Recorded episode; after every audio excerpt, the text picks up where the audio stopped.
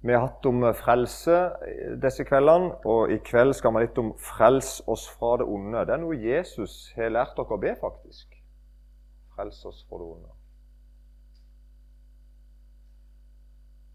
Og så, siden jeg føler jeg er veldig blant venner her, så vil jeg si et par ting som ikke skal bli tatt opp. Så hvis noen her hører dette på opptak, så er det noen på lura som skal Nei da. Um, men jeg vil bare, uh, som har vært spesielt for meg i 2019, og det handler om ondskap det Jeg oppdaga for så vidt noen år før òg, men særlig i fjor, det året vi akkurat er ferdig med, så jeg opplevd mange plass at kristne har sagt at vi vet veldig lite om ond, hva ondt er for noe, hva ondskap er for noe. Vi vet veldig lite om hva djevelen er, hvem han er, og hvordan han er. Vi hører aldri noen forkynnelse om det. Vi er på en måte sånn analfabeter på området, sier de mange plass. Og så har jeg opplevd særlig i 2019 at jeg har møtt særlig unge folk, 7. og 8. klassinger, som sliter med all slags ting de er redde for. Og som går til foreldrene sine og vil ha hjelp, men foreldrene kan ikke hjelpe dem. De kan, de kan ikke sette ord på hva de er redde for. De har sett filmer gjerne, eller sett på serier. Ofte er det det. Faktisk det er ekstremt mye serier der ute på forskjellige strømbetjenester som, eh, som er skumle og ekle å se på. Uh, og som veldig mange voksne ikke kan hjelpe deg med. Jeg, vet, jeg var en plass nå for ikke lenge siden, og der hadde folk, altså helsesøstre hadde prøvd å hjelpe. Eh, foreldre hadde prøvd å hjelpe. Fikk telefon av noen uh, ungdomsledere. Ei dame på 70 år som er ungdomsleder. Kan noen komme og lære oss noe om hva dette er for noe? Og den ene plassen jeg var nå, så var det helt fantastisk å være der. Over 40 unge ungdommer. Ungdomsskoleelever stort sett. Og litt søsknene deres, og litt foreldrene deres, og litt lederne deres så valgte det på seg da.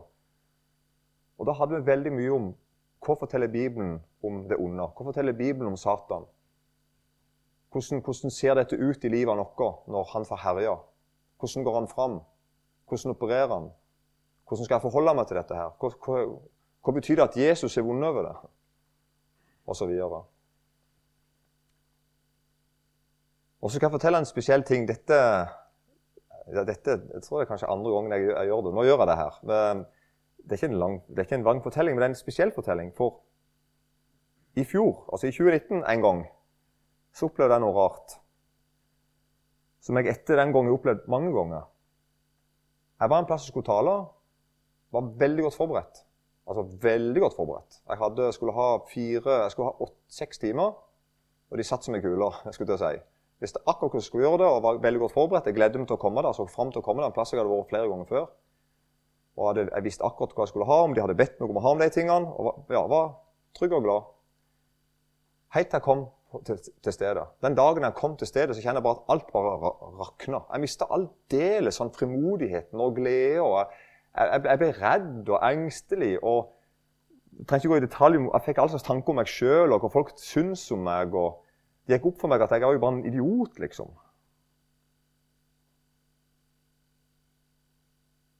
Og så begynte jeg å be til Gud. Hjelp meg, Gud. Gi meg fremodighet. Hjelp meg. Hva er det som skjer meg for noe? Har jeg spist ei dårlig pølse på Circle K, eller hva er det for noe, altså? Sant? Eller hva er dette her for noe? Det hadde jeg ikke. Jeg hadde ikke spist pølse. Jeg spiser aldri pølse derifra. Men, så det var det ikke, da. Men du kan skjønne bildet. Jeg var i tvil om det noe fysisk, liksom. Hva er det for noe? Og så går jeg fram, jeg fram på um, talerstolen. Og da ser jeg, altså ser jeg her i synsranden min der borte Der stender det en hel haug med folk og lærer meg. Et par viste fing. Noen ropte buhu. Én sa 'du er en idiot'. Du kan ingenting. Det var sånn at jeg måtte snu meg for å se om det var noen der. Det var ingen der. Det var en slags innbilning, om du vil. Er du med? De forstyrret meg hele den timen og neste time. Og Jeg var der altså, hadde da seks timer, da, to timer til dagen. og det var en, Jeg syns det var en slags fiasko. Jeg, jeg, jeg stutra og, og sleit og så videre. Ja. Og så opplevde jeg flere ganger da, i, nå i 2019 at det har stått noen og forstyrra meg. Jeg håper ikke dere tror jeg er sprø eller noe. Um, ja, ja, det kan være jeg er det. Men uh, Svein, du kjenner slekta, så du vet hvor galt det står til. Jeg har flere som kjenner slekta. Men eh, nei. Og så har jeg snakka med noen folk om det, og da har de sagt at, det, at um, om det er innbilning eller ikke, spiller jo ingen rolle. Det forstyrrer meg. Det er noen som vil ta fra meg formodigheten. Det er noen som vil øyelegge for oss når vi skal møte Gud.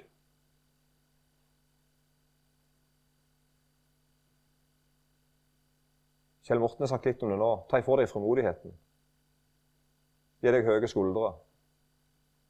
Miste på en måte fokuset på hva, hva vi skal holde på med her på bedehuset. Så begynner vi kanskje å prestere noe for hverandre. eller altså vi, vi vil dere vekk. Jeg skal si litt i kveld om, om hva ondskap er. Ikke mye, for det, jeg skal bare holde på i godt 20 minutter. Men, men kanskje vi sier mer i morgen. Jeg får se litt på det. Men det er dypt reelt. Det er én som ønsker deg alt vondt. Det er det eneste han holder på med. Han ønsker deg alt vondt. Og så er det én som ønsker deg alt godt. Og han som ønsker deg alt godt, han er sterkest. Og ikke bare det at han er sterkest, han har allerede vunnet. Så Noen ganger så sammenligner vi med Jesus, og, og, så sier vi altså at det, liksom å høre Jesus det er som å være på det beste fotballaget. Er du med på den? Er det ikke meg bildet, liksom at Jesus er, Hvis vi blir med på hans fotballag, så er vi på det fotballaget som helt sikkert kommer til å vinne. Og så er alternativet å være på djevelen sitt fotballag, liksom, så da helt sikkert kommer til å tape. Men saken er at det er mye bedre enn det. Du er på det laget, Når du hører Jesus til, så er du på det laget som allerede har vunnet. Han er allerede seierherre. Han er blitt vist som seierherre over alle ondskapens makter. Og Det er veldig viktig. Det er ingen tvil om hvem som skal vinne, for han har vunnet. Og det er i den seieren at vi må gjemme oss. Det er i den seieren vi skal ha frimodighet. Det er i den seieren vi skal ha liv, kristent liv og evig liv og hva det måtte være. Kjære Jesus, vær her fortsatt med din ånd. Takk for det som vi har hørt til nå i kveld. Velsign oss alle, Jesus. Se spesielt til de som er redde og herjer med all slags ting, Jesus. Takk at, du, at vi kan snakke med deg om det. Takk at du forstår oss. Takk at du vil trøste oss. Takk at du er sterkere enn alt det som vi er redd for. Det ber jeg deg om, Jesus, at du må være her. For navnet ditt skyld. Amen. Så hva er ondskap for noe? Hva er egentlig ondskap for noe? Og det er, det er mange måter å, ja, En kan si mye dette er på ingen måte en fullstendig definisjon, men en, sånn, en litt sånn enkel ting å si, en litt barnslig ting å si, som jeg er glad i, det er litt den. Altså Alt det som ikke er ville av Gud, alt det som fører bort ifra Gud, kan du godt si. For noen, noen mennesker sier at penger det er ondskap, sier noen f.eks. Rikdom eller sånn og sånn. Men det, det, blir, for, det blir, for, dumt. Um, det, blir, blir, det, er ikke sånn at en hundrelapp er ond. Er det ikke med? Det kan være en velsignelse for en hundrelapp. Det kan være en velsignelse for en million. Er det ikke med? Så jeg, jeg kan ikke putte ondskap og, og, og, godt eller ondt på en ting og si at den, den tingen, bil eller penger eller Skjønner du ikke? Det, det, det er ikke sånn det fungerer. Det blir for enkelt. Det kan være fristende å gjøre det, men det, det blir for enkelt. Det er sånn at det, eh, Hvis jeg får noe i livet mitt som fører meg nærmere Gud, så vil Gud si 'Nå ble du velsigna'. Er det ikke med? Eller hvis jeg får noe i livet mitt som fører meg vekk ifra Gud, så vil, så vil Gud si at 'nå ble du ikke velsigna'. Så ondskap blir sånn dypere sett noe som, noe som ikke kommer ifra Gud, som Gud egentlig ønsker ved meg. Det er ikke noe som han egentlig ville. Og det fører meg bort ifra ham. For å si det sånn, da Gud er god. Det er det jeg snakker om nå. Det er en, det er er, det er en motsetning her. Gud er god. Det er noe Gud ikke er. Her er det bare sånn en liten, Vi bør først sånn, litt sånn innsyn i at Jesus egentlig avslører en mann og sier at du, du tenker egentlig at jeg er Gud. Uh, der kom en mann og falt ned på kne og spurte gode mester, hva skal jeg gjøre for å arve evig liv. Og så svarer Jesus, hvorfor kaller du meg god? Ingen er god uten én, det er Gud. Og det er jo sant. da. Det er sant. Så han egentlig, ja, Fortellingen her er jo en annen enn da, der han egentlig får han mannen til å innrømme at du snakker til meg som om at jeg er Gud. og noe jeg er. Men Gud er god. Gud er ikke ond. Også bare for å gjøre en lang historie kort, er det sånn at Ofte når vi snakker om ondskap, så snakker vi kanskje om djevelen og om forferdelige ting. Og så blir alle tingene sånn at det er, ikke, det er på en måte ikke noe som angår meg. Ondskap er sånn, sånn, som, sånn som jeg og deg aldri kan gjøre. Hvis vi skal snakke om virkelig onde folk, så er det noen onde folk som er så onde at sånn, sånn kan aldri jeg og deg bli. Men Bibelen gjør det helt motsatt og sier at jeg er preget av ondskap. Det er ikke sånn at ondskap bare angår alle andre. på en måte, Det er noe alle andre holder på med. Hitler og de, liksom. Det er sånn at Bibelen presenterer mennesker som noen som har ondskap. Og Det er ikke bare en gang sånn at, det, at jeg, liksom, jeg, får ondskap på meg, og så bærer jeg den videre. Nei, Bibelen sier at ondskapen faktisk kommer innenifra. Så om du så lukker deg inne på et rom helt alene en plass, og ikke blir påvirka av TV og Internett og alt annet du måtte være redd for, eikdøler eller hva du måtte være du er redd for, så vil du fortsatt oppleve at det kommer noe for hjertet ditt.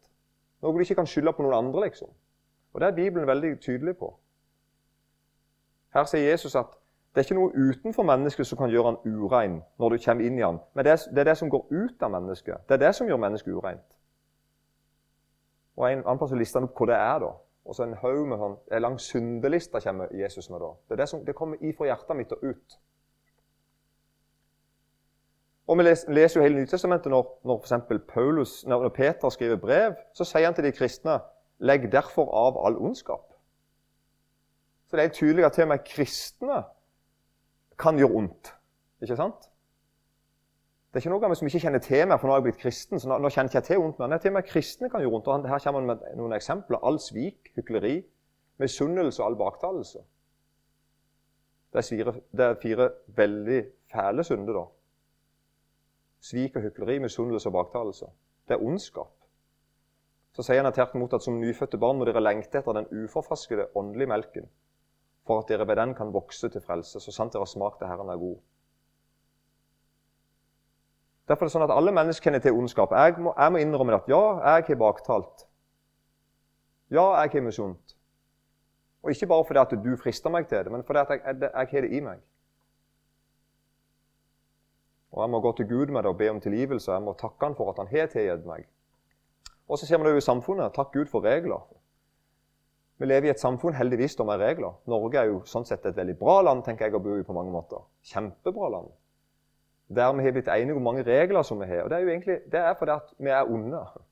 Så vi setter det i systemet. Vi har nøkler til bilen, f.eks. Det er fordi at Hvis ikke jeg låser den, så kommer en eller annen fyr og tar den. Vi låser hus og Skjønner du? at Vi har en haug regler og systemer fordi at vi forholder oss til at, at det er ondskap rundt dere. Sånn er det bare. Så vi lever på i en verden som er preget av ondskap og tjuveri og lyging. Og, ja, vi, vi, kjenner til det. Vi kjenner til det sjøl òg. Men hvor kommer dette her ifra? Og da vil jeg bare sitere en som heter Olav Allen Senstad. En, um, han er død nå. Han har skrevet veldig mye. Han er teolog og filosof, tror jeg. Begge deler, tror jeg faktisk han var. Og Han sier sånn Hvor, det, hvor er det onde, og hvordan er det kommet inn i verden? Og Da svarer han det onde stammer ikke fra Gud. Altså Gud er god, og så sier han videre at Gud ikke har skapt noe ondt. Det står det mange plasser i Bibelen. at Gud ikke har skapt noe ondt. Men som nå skaper jeg ondskap. Det gjorde ikke Gud. Men det onde kommer allikevel fra en som Gud har skapt. Valen Senstad kaller det for en åndspersonlig skapning. Det var én, det var en person, altså en, en, personlig jeg, en person som omtalte seg som et jeg, en engel, en Guds engel, som en dag falt. En som ville bli i stedet for Gud. Og faktisk det navnene vi bruker på ham, Satan eller djevelen, det betyr motstander. Altså Navnet Satan betyr motstander. Han er motstander av Gud og alt det han stender for. Og djevelen det betyr baktaler. Og Det forteller litt om hva, hvordan han er, og på hvilken måte han fungerer. Hvordan han, hvordan han går fram. Han beskrives som en fallen engel som jobber med å finne feil hos menneskene og har som et hovedmål å motarbeide Gud og hans representanter på jorda. Det er liksom han holder på med. Og Det som er spesielt, er at det er Jesus og Bibelen som på en måte forteller rett ut hvem han er. Og Her ser vi en del av navnene som er brukt i Bibelen. Det er ikke alle, men det er en del av navnene. Altså, Jesus kaller, kaller djevelen for løgnens far. Det vil si, det var han som begynte å lyge. Det var, han, det var han som fant opp å lyge. Han er pappaen til løgn, liksom. Det var ingen som løy før han. Og han er høvding over luftens makter. Han er denne verdens fyrste. Så akkurat sånn at Bibelen snakker han ikke ned og prøver å ufarliggjøre han, eller prøver å stue han vekk og helst ikke snakke om han. Bibelen sier rett ut, snakker rett ut om han. Den gamle slangen. Da tenker vi på ikke minst når han kom som en slange i sant, Adam og Eva. Den store dragen, eller fristeren, og herskeren over de onde ånder. Så Sånn snakker Bibelen rett ut om hvem han er. Og så er det en ting som jeg har lyst til å si Det er det bildet her, det er litt dårlig oppløsning på det bildet. da. Men der ser vi altså Donald Duck. Han er vi glad i. Og så er det en sånn typisk situasjon for Donald Duck når han blir frista til å gjøre noe galt. Så ser vi her at det er en, eh, flygende, fin, sånn engelaktig, sånn som vi foreslår at englene er, men glorie på den ene skuldra, og så er det en sånn en djevelliggende figur på andre sida. For vi tenker at djevelen har horn og hale. og sant? Det er sånn en, som er skapt. altså Dette er jo ikke bibelske uh, skikkelser, men det er liksom blitt sånn da, opp gjennom kulturen og historien. så det er blitt sånn da. Et slags Walt Disney-syn på det hele. Og det, uh, Fortsatt å lese Donald. Dette er ikke et oppgjør med Donald Duck. bare så det er sagt. Les Donald til dere ikke orker mer. ja. Så det, det, er ikke oppgjør om det. Men det er Walt Disney-synet skal vi ta et oppgjør med. For her er tanken i Donald Duck, da. Og på en måte i, i den eh, vanlige verden så er egentlig tanken den, og jeg tror blant kristne òg, så er tanken den at, at djevelen han er sjefen over helvete. Og så, er han, og så er Jesus, eller Gud, da, sjefen over himmelen. Og så er det liksom to sjefer. Er du med på den? Og så tegner vi at sånn ser Gud ut, og sånn ser djevelen ut, osv. Og, så videre. og så ser vi så for at de to da har en slags kamp. da. Og sånn er det ikke. Det er helt feil. Djevelen er ikke sjef over, over, over, helvete. Det er faktisk der djevelen skal bli straffa. Så han er, ikke, han er ikke den sjefsrollen rundt er sjef. Han er en mann, altså Djevelen er en fallen engel som har fått sin endelige straff. Han går bare nå og venter på at den skal iverksettes. Helt bokstavelig talt. Han er klar over at han er tapt. Han har sett at Jesus er seierherre, og han er, den, han, er, han er den største taperen som fins. Han vet han er tapt. Det står i Bibelen at Jesus, Gud reiste opp Jesus og viste han som en seierherre. Så han er seierherre.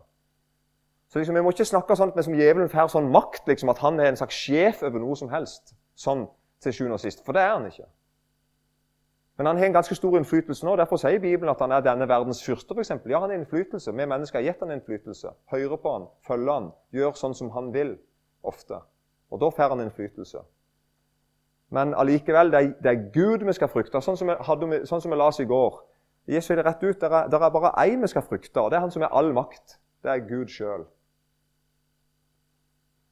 Det er godt å vite at det er Jesus som er all makt i himmel og på jord. Så er det altså Kolosserne 2,15. Han avvæpna makten og myndighetene og stilte dem åpenlyst til skue da han viste seg som seierherre over dem på korset.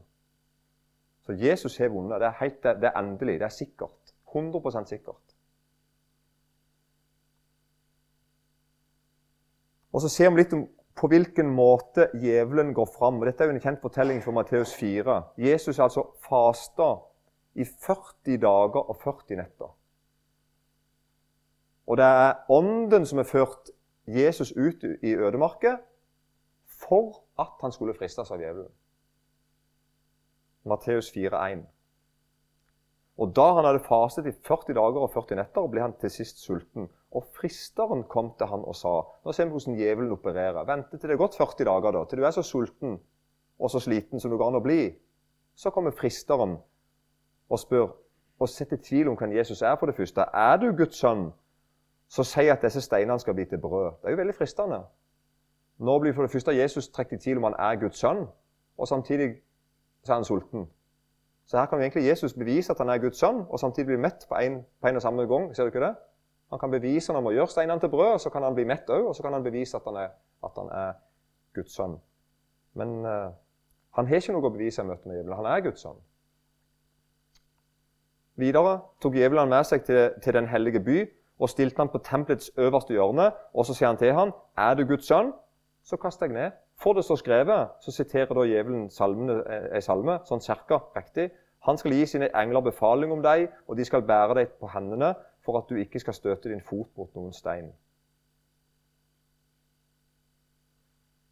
Igjen tok djevelen med opp på et meget høyt fjell og viste han alle verdens riker og deres herlighet. Og han sa til ham, alt dette vil jeg gi deg dersom du vil falle ned og tilbe meg. Fristeren. Vi òg kjenner til sånne fristelser, ikke sant? At vi får en fristelse Ja, vi kjenner til dette her. Jesus svarer, 'Bort fra meg, Satan, for det står skrevet:" 'Herren din Gud skal du tilbe, og ham alene skal du tjene.' Da forlot djevelen ham, og se, engler kom og tjente ham. Vi vet også hvordan fristeren kom til Adam og Eva som en slange. Akkurat på samme måten, prikk likt. Samme, samme greie. Stiller spørsmålstegn ved hva Gud egentlig har sagt appellere til, liksom, til en fornuft og til en logikk, love noe. noe det høres litt riktig ut og ikke helt riktig. Og Adam Eva falt. Jesus falt ikke. Han, han vant. Og så går det da ikke lang tid, ikke så veldig lenge etterpå den fortellingen vi nå har lest. Kanskje to og et halvt år. Kanskje det? Ikke sikker på det. Toppen tre, det er helt sikkert. Men det gikk kanskje et par år. Da leser vi Matteus 16. At Jesus han begynte å gjøre det klart for disiplene sine at han måtte dra til Jerusalem. Han begynte å fortelle det. Han fortalte det flere ganger til dem. Nå er jeg i Matteus 16, vers 21. Her står det fra den tiden begynte Jesus å gjøre det klart for disiplene sine at han måtte dra til Jerusalem, og at han skulle lide meget av de eldste og ypperste prestene og de skriftlærde, og at han skulle bli slått i hjel, og at han skulle reises opp på den tredje dagen. Det fortalte han dem flere ganger. Og disiplene trodde ikke på det, kort og godt. Altså, det hadde ikke vi heller gjort, tror jeg. Han, han sa det til dem, de samme som ja, jo, mm, sånn. Men det, det, det, var, det, var, for utenkelig. Så her er det Matteus 16, 21. Her forteller Jesus det. Så kommer det vers 22. Da tok Peter ham til side og ga seg til å irettesette ham og sa altså, Peter tar Jesus til side, tar det ut av de andre, bort fra de andre elleve disiplene. Så sier han Gud, fri deg, Herre. Dette må aldri skje deg. Men han snudde seg og sa til Peter, Vik bak meg, Satan. Du er til anstøt for meg, for du har ikke sans for det som hører Gud til, men bare for det som hører menneskene til. Jeg skal kommentere litt på den dramatiske situasjonen her. Men jeg bare presiserer at Jesus kaller ikke Peter for djevel. Ser du ikke den? Jesus ser her djevelen ikke Peter. Han ser at her er den fristeren, han som Jesus møtte i ødemarken, og som han vet godt han er. Nå ser han at nå er han å friste igjen. Da sa Jesus til disiplene sine.: Om noen vil komme etter meg, da må han fornekte seg selv, ta sitt kors opp og følge meg. For den som vil berge sitt liv, skal miste det. Men den som mister sitt liv for min skyld, skal finne det. For hva gagner det et menneske om han vinner hele verden, men tar skade på sin sjel? Eller hva kan et menneske gi til vederlag på sin sjel? Gagner betyr på en måte hva funksjon er det? Eller, ja, det lønner seg jo ikke. Hva betyr det om, om, du vinner alt, altså? Men skader sjela di. Vi kan synes synd på Peter når han blir snakka til sånn av Jesus. Tenk stakkars mann. Tenk å bli ydmyka sånn. Ikke sant? Uff. Og andre kan tenke at det hadde han gått da, så ovenpå som han er. Veldig Mange lager jo karikatur av Peter. Han er sånn ovenpå, cocky fyr som går fram der. og jeg skal, ikke, jeg skal, aldri fornekte deg, jeg skal aldri gjøre sånn og sånn. Her så mye, her så mye som Peter er en tigg Jesus til side, så irettesetter han for det han sier. Det, jo, det høres jo ganske frekt ut på en måte. Men egentlig så er det nåde over nåde det Peter opp, opplevde. Han lærer noe av mesteren. For det første så beskytter Jesus Peter ifra den onde. Jesus kjenner igjen Satan sitt evangelie. er Det ikke mer? Altså, i anførselstegn, det er jo ikke et evangelie, men han kjenner igjen evangeliet. Nemlig det vi leste nå akkurat i stad. Når, når djevelen frister Jesus sier 'Alt dette vil jeg gi deg, det som du vil falle ned og tilby meg'. Og Da sa Jesus til han 'Bort fra meg, Satan'. For saken er at Satan tilbyr seier uten lidelse. Og nå står Peter her, Jesu egen disippel, og anbefaler han å bli konge uten å lide. Er du ikke med? Peter, Jesus hører at Peter kommer med et forslag som er sånn som djevelen foreslår. Jesus beskytter oss mot Satans listige angrep. Og Her er da angrepet altså at Jesus er sterkere enn Satan. Derfor gir det mening når Jesus sier 'vik bak meg, Satan'. Hvorfor, hvordan kan Jesus si det? 'Vik bak meg'? Jo, han er sterkere enn han. Og Satan må vike da når Jesus sier det. Er ikke med på den? Når, når, når eh, Jesus sa 'vik bak meg', Satan til Peter, så ble det sånn som Jesus hadde sagt. Og Hvorfor måtte Satan vike? Jo, han måtte vike for sannheten. Og hva var sannheten? Jo, at Jesus måtte lide, måtte dø. Peter skjønte ikke dette, ikke vi heller. Og Dette går igjen hele tida at hvis det er én ting djevelen har meg vekk ifra, så er det Jesu lidelse. Han vil ha meg vekk ifra alt som handler om at Jesus er dødd for mine synder. At Jesus kan tilgi en sånn en synder som meg. At jeg kan være frimodig til å stå foran Gud. At jeg kan være frimodig til å vitne om Han, At jeg kan være frimodig til å tro at jeg har evig liv. Alt som handler, alt det Jesus vil gi meg, det gir han meg gjennom sin død. Hadde ikke Jesus dødd på korset, så hadde han ikke kunnet gitt meg noe som helst. Men Jesus har dødd på korset.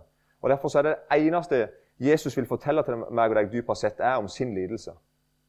Jeg er dødd for deg. Jeg er bundet for deg. Jeg er beseiret det onde. Jeg har vunnet deg et evig liv. Jeg har all makt. Jeg er blitt vist som seierherre. Og Derfor er egentlig hele tiden kampen nå til djevelen det er å få meg vekk ifra Jesus sin lidelse. Få øynene mine vekk ifra det, få tanken min vekk ifra det. Prøve heller å få det til sjøl, eller prøve å bli, få orden på kristenlivet mitt eller bønnelivet mitt, hva det måtte være. I stedet for å gi meg hen til han som lider for meg. Han som elsker meg ufortjent. Han som dør. Og Saken er at djevelen kan tilby deg mye. Veldig mye. Og han gjør det. Og det er ekstremt mange folk i f.eks. Norge som har det digg uten Gud. De er det helt topp uten Gud. De har alt de trenger, syns de. Og det er ingen plass i Bibelen vil se at djevelen ikke onde folk det. Så lenge han ser at jeg ikke har med Gud å gjøre, så kan, han, kan jeg nesten få hva jeg vil.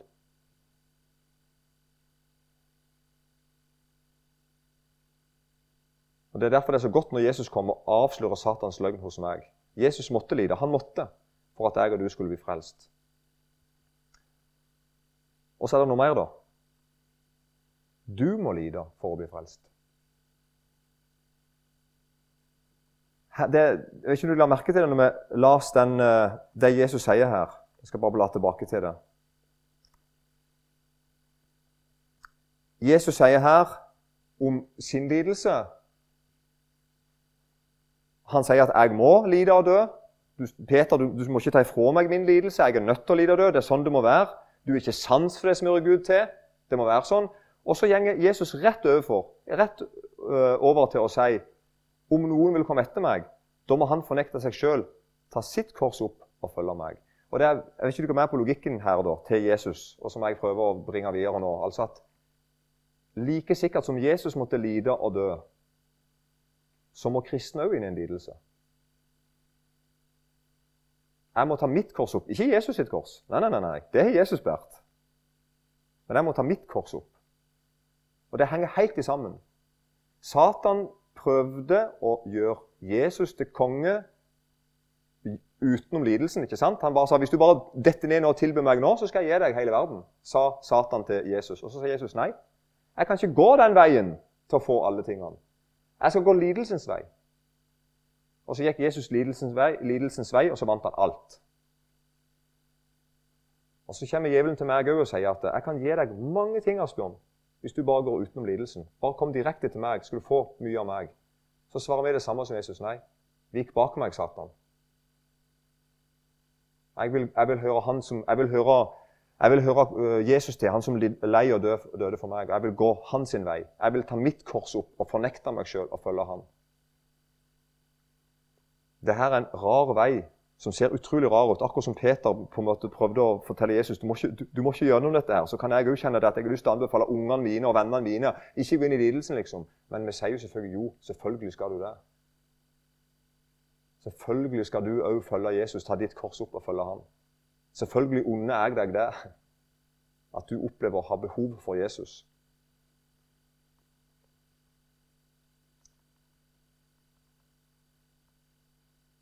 Og så er det noe, da, noe helt sånn spektakulært, en hemmelighet, til du som hører Jesus til. I Romerbrevet 8,28. Og det er det at den Jesus sin seier over det onde den har en innvirkning nå. Det er ikke bare sånn at en dag skal jeg se at, at Jesus vant over djevelen, liksom. Men så fikk han lov å herje som han ville her nede.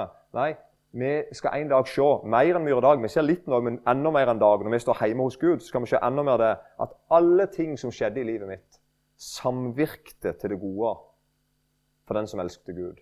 Er du ikke med? Det er et løfte i Bibelen, da, men det er veldig vanskelig å se det mens det skjer. og Vi skal være veldig forsiktige med å si det til hverandre tror jeg, mens det skjer. Bare sånn enkelt si det. Men det er sant at for vi vet at alle ting samvirker til gode for dem som elsker Gud. Det vil si at til og med når ondskapen kommer og herjer med oss og ødelegger for oss, så sier Bibelen en ting til de som hører Han til. At du som elsker meg, til og med de tingene skal jeg vende til det gode. Du er udødelig. Du er uknuselig hos Jesus. Ingenting kan rive, han, rive deg ut av hånda hans. Ingenting. Det skal til med, tvert imot virke til det gode. Samvirke til gode for vi som elsker Gud. Så når vi ber om det er det som er så rart med en bønn om å frelse oss fra det onde, så, så, er vi klar over det. Det betyr ikke at jeg får, at jeg får et problemløst liv. Det betyr ikke det. Men det betyr likevel at det onde skal aldri eie meg. Det onde skal aldri vinne over meg. Det onde skal aldri få rett til slutt. Jeg skal til meg oppleve at det er en seier til meg gjennom det. Derfor ser kristne rare ut. De liksom ser så svake ut, akkurat som Jesus så så svak ut der han hang på korset og døde. Og så vet vi at det er seierherren vår. Sånn så ut når han vant. Sånn er vi kristne òg. Det ser så pinglete ut ofte. Svakt ut. Dårlig ut. Lite ut. Men alle ting samvirker til gode for den som elsker Gud.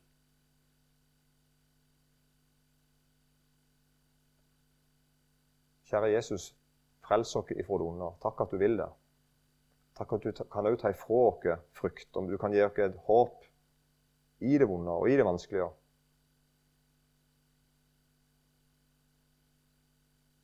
Takk at du var villig til å dø for oss. Takk at du ville det sjøl. Du hadde lyst, du ville, du gjorde det. Takk at du er sånn. Og takk at vi kan få lov til å ha fellesskap med deg og kjenne litt av det samme som du kjente på. Dele litt det samme kåret som du hadde. Og takk at vi skal være sammen i en evighet. Amen.